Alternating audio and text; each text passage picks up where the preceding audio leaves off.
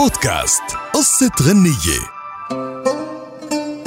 اليوم رح نخبركن قصة أغنية فوق النخل.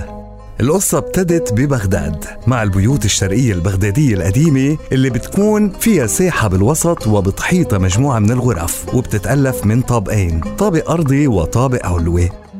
وكل واحد فيهم بيحتوي على نفس العدد من الغرف وبتستأجر كل عائلة من الطبقة الفقيرة غرفة من الغرف. وعادة الشخص العزابي مش ممكن إنه يسكن بهالمنازل إلا بعد ما يتأكد صاحب البيت من أخلاقه. وصادف إنه شاب من الشباب كان بيسكن بأحد هالبيوت.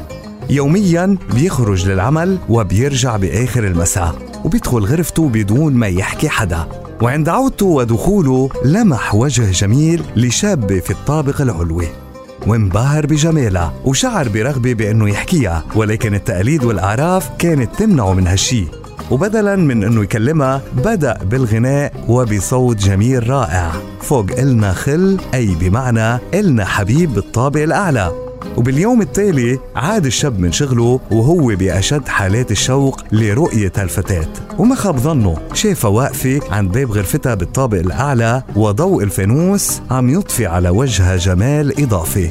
عندها بدأ الشاب يغني فوق إلنا خل فوق إلنا خل. مدري لمع خدك مدري القمر فوق. فوق النخل فوق يا بقى فوق النخل فوق. مدري لمع خدك يا مدري لمع وانتبه سكان الحي لهالصوت الجميل وخرجوا من بيوتهم ليعرفوا مين هو صاحب هالصوت وتكرر الحدث بالأيام اللي تلت وكان سكان الحي بيشاركوا الشاب بالغناء ولكن بلهجتهم البغدادية. فبدلا من أن يقولوا فوق إلنا خل قالوا فوق النخل. وهيك اندمجت كلمة إلنا خل وأصبحت النخل.